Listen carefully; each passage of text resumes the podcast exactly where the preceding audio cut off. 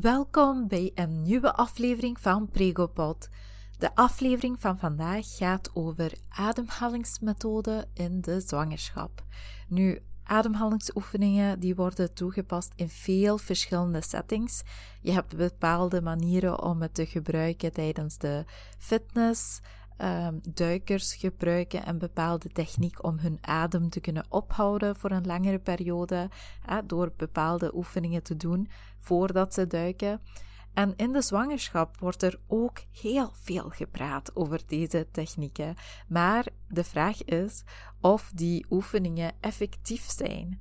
Kunnen wij verschillende ademhalingstechnieken uh, toepassen om het geboorteproces te vergemakkelijken? Is dit waar of zijn dit gewoon fabeltjes? Om te beginnen, let's ask our pregnant mommies en pasbevallen moeders wat ze hiervan denken. Denk jij dat ademhalingsoefeningen een grote rol spelen in de zwangerschap? Is dat iets dat wij zouden moeten oefenen om het geboorteproces te vergemakkelijken? Ik weet er echt niet veel van, maar wat ik je wel kan zeggen is dat um, ademhalingstechnieken, of dan ademhalingsoefeningen, echt belangrijk zijn voor uh, een normale werking van het lichaam.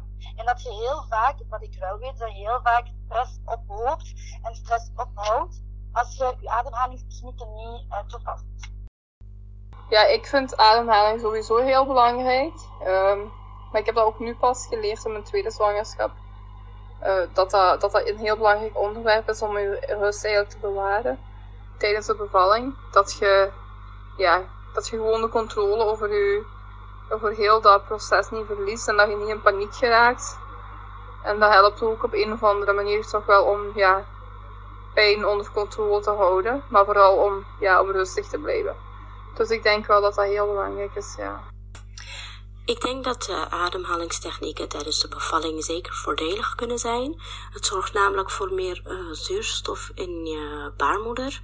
En um, ik heb zelf ervaren dat je er echt wel rustiger van wordt. Je wordt minder snel moe en je kan je weeën zo beter opvangen.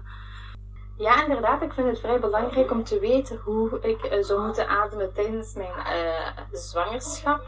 Zeker in het geval van die moeilijke momenten die we dan ervaren en onze hoge emoties. Um, maar dan koppel ik het ook samen met de partner die daar ook dan bij betrokken wordt.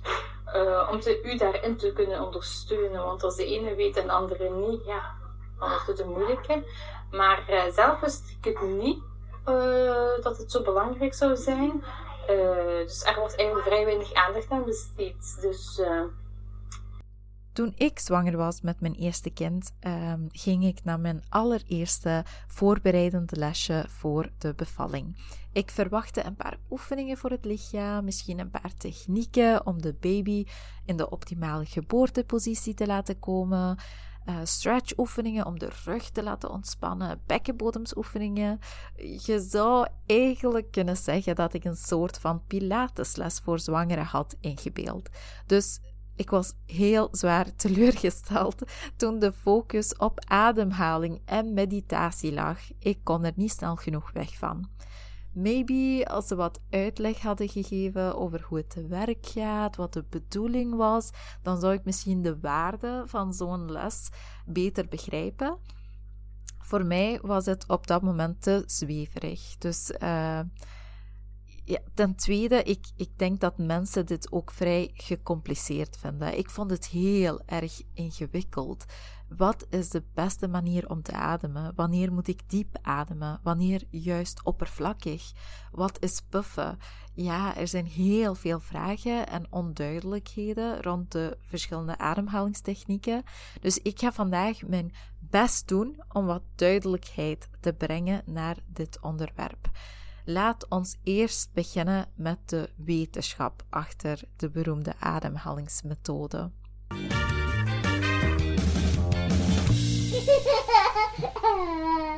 In onze moderne samenleving worden mensen vaak geconfronteerd met talloze bronnen van stress. Um, van werkgerelateerde druk tot persoonlijke uitdagingen. In mijn ervaring lopen wij als vrouwen tijdens de zwangerschap een nog grotere risico op stress.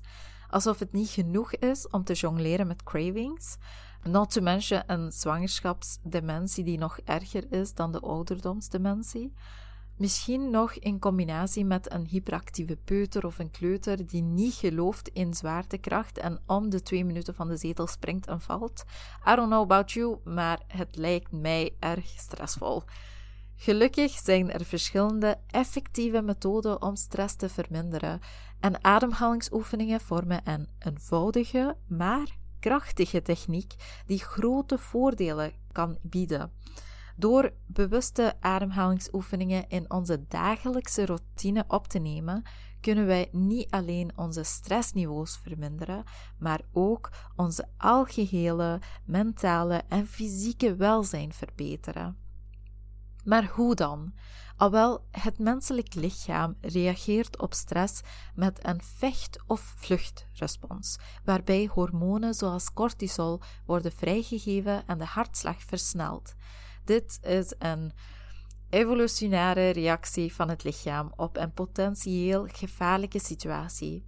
Zo kan een harde klop op de deur van de bevallingskamer een soort stressor zijn, waardoor ons lichaam instinctief gaat reageren op hetgene wat wij als gevaarlijk re registreren. Wanneer het brein een stressor waarneemt, zoals een bedreiging of een uitdagende situatie, Ehm, dan wordt het sympathische zenuwstelsel geactiveerd. En dit leidt tot, het, uh, tot de afgifte van stresshormonen, zoals adrenaline en cortisol, die verschillende fysieke veranderingen in het lichaam veroorzaken, zoals een versnelde hartslag, verwijde pupillen, verhoogde ademhalingssnelheid en een verhoogde alertheid. Juist het tegenovergestelde van wat we nodig hebben tijdens de arbeid en bevalling. Ademhaling speelt een cruciale rol bij het reguleren van dit stressresponsmechanisme. Door bewust de ademhaling te beheersen, kunnen wij de stressreactie kalmeren en de fysiologische effecten van de stress verminderen. Dit is echt powerful stuff. Het begrijpen van hoe juist ademhaling het stressresponsmechanisme beïnvloedt, moeten we nog dieper in de fysiologische processen uh, induiken. Normaal gesproken reageert de ademhaling automatisch op stress. Uh, dit door sneller en ondieper te worden. En in de ergste gevallen gaat je hyperventileren.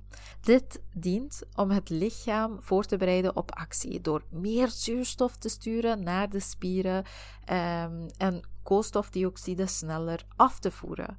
Hoewel dit nuttig kan zijn in acute situaties, kan een constante hoge ademhalingsfrequentie leiden tot een verhoogd gevoel van spanning en angst. And we don't want to get down that route, not when you're about to birth your baby. Spanning en angst zijn juist die twee dingen die wij willen achterlaten. Hier komt bewuste ademhaling in het spel. Door bewust te denken aan je ademhaling kan je het stressresponsmechanisme op verschillende manieren beïnvloeden. Ik ga dat heel snel herhalen, want we zijn echt in detail aan het gaan en dat is niet, niet nodig om uh, deze methode te kunnen toepassen. Maar kort. Uh, Kort voor de nerds out there. Bewuste ademhaling, zoals diepe buikademhaling, dat stimuleert het parasympathische zenuwstelsel. En dit is de deel van het autonome zenuwstelsel die verantwoordelijk is voor het bevorderen van ontspanning en herstel.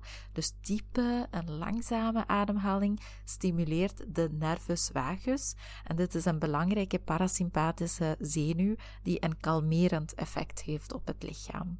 En de ademhalingsoefeningen kunnen ook de afgifte van cortisol verminderen, dus het stresshormoon uh, dat bijdraagt aan angst en spanning. Het te snel ademen kan eigenlijk leiden tot een verlaagd koolstofdioxidegehalte, wat op zijn beurt symptomen van stress, zoals duizeligheid en hartkloppingen, eh, kan versterken. Bewuste ademhaling helpt de koolstofdioxide-niveaus te stabiliseren en draagt bij aan een gevoel van kalmte. Het heeft ook een kalmerend invloed op de amygdala. De amygdala, een deel van het hersenen dat betrokken is uh, bij het verwerken van angst en angstige reacties, uh, wordt ook beïnvloed door bewuste ademhaling. En door deze te kalmeren kunnen ademhalingsoefeningen um, helpen met de intensiteit uh, van de stressrespons. Dus deze wordt ook verminderd. Samenvattend, bewuste ademhalingsoefeningen hebben een directe invloed op het autonome zenuwstelsel en kunnen het lichaam helpen over te schakelen van de vecht- of vluchtrespons naar een staat van ontspanning. Want het is niet de bedoeling dat we daar uh, tijdens de baring gaan vechten of vluchten. We moeten juist alles laten ontspannen. Door langzamer dieper en bewuster te ademen, kunnen wij de fysieke symptomen van stress verminderen, cortisolniveaus reguleren en een gevoel van kalmte en welzijn bevorderen. Klinkt toch geweldig, niet? Het is gratis, er is voldoende zuurstof, piece of cake nu je dit weet. Hè? Yes, you got this. Maar het is echt belangrijk dat wij de kans krijgen om deze technieken te beoefenen. Dit is enkel een krachtig hulpmiddel tegen stress indien we dit regelmatig toepassen. Ik wil ook toevoegen dat ademhalingsoefeningen um, die zijn niet enkel nuttig voor in de zwangerschap hoor. Ik heb deze technieken in mijn tweede zwangerschap geleerd, maar ook toegepast in mijn dagelijkse leven. Eigenlijk kun je bij elke stressvolle moment in je leven even stoppen en just breathe. En believe me, het werkt. Onverwacht bezoek, diep ademen. Baby die huilt van krampen, diep ademen. Peuterpuberteit, diep ademen. Een partner die je irriteert, heel diep ademen.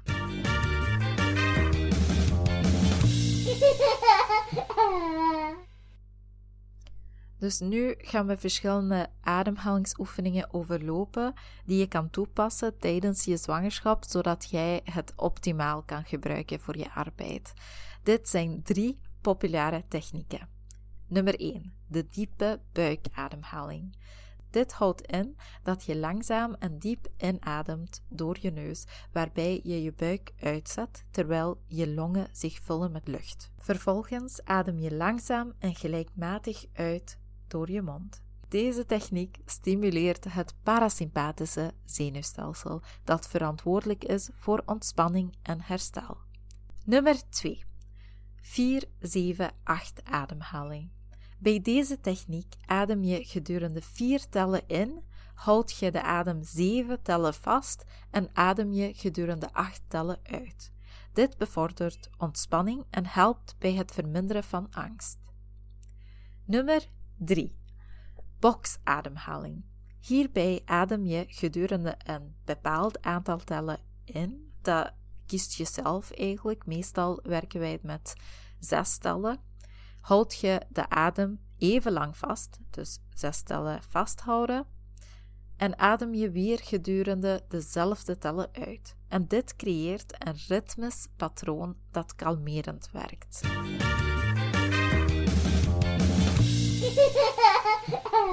Stressvermindering is natuurlijk een heel grote pluspunt in de zwangerschap.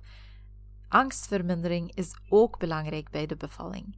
Zoals ik al zei, tijdens de arbeid zijn we extra gevoelig voor stressoren. En in onze dagelijkse leven zou het misschien totaal niet storen, maar tijdens de arbeid wel. Om enkele voorbeelden te geven: iemand doet plots de lichten aan, of stelt te veel vragen, of zelfs het tikkend geluid van een klok. Dit kan een stressrespons triggeren. Misschien heb je de stressoren niet onder controle, maar door middel van je ademhalingstechnieken kan je je eigen stressreactie of respons controleren. En dit is natuurlijk een heel grote voordeel. Maar nog een extra pluspunt is dat de meeste vrouwen die, die vinden ook dat de bewuste ademhaling de concentratie verbetert. Sowieso geven deze technieken ook een ritmestructuur, die kan helpen bij het behouden van focus en een gevoel van controle geven tijdens de bevalling.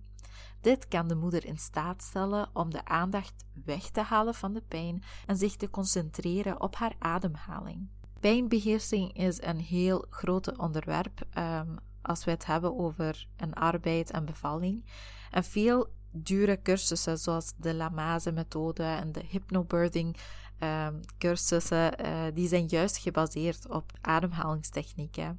En deze kunnen de aanstaande moeder helpen om zich te concentreren, ontspannen en de pijn beter uh, te beheersen. Bewust ademen is natuurlijk niet enkel een voordeel voor de moeder, maar het gaat de baby ook uh, voorzien met een constante toevoer van zuurstof. Als wij pijn ervaren, hebben wij de neiging om ofwel te hyperventileren, waarover wij het al hebben gehad, of gaan we juist ons adem inhouden. En beide zijn niet goed, nog voor moeder, nog voor baby.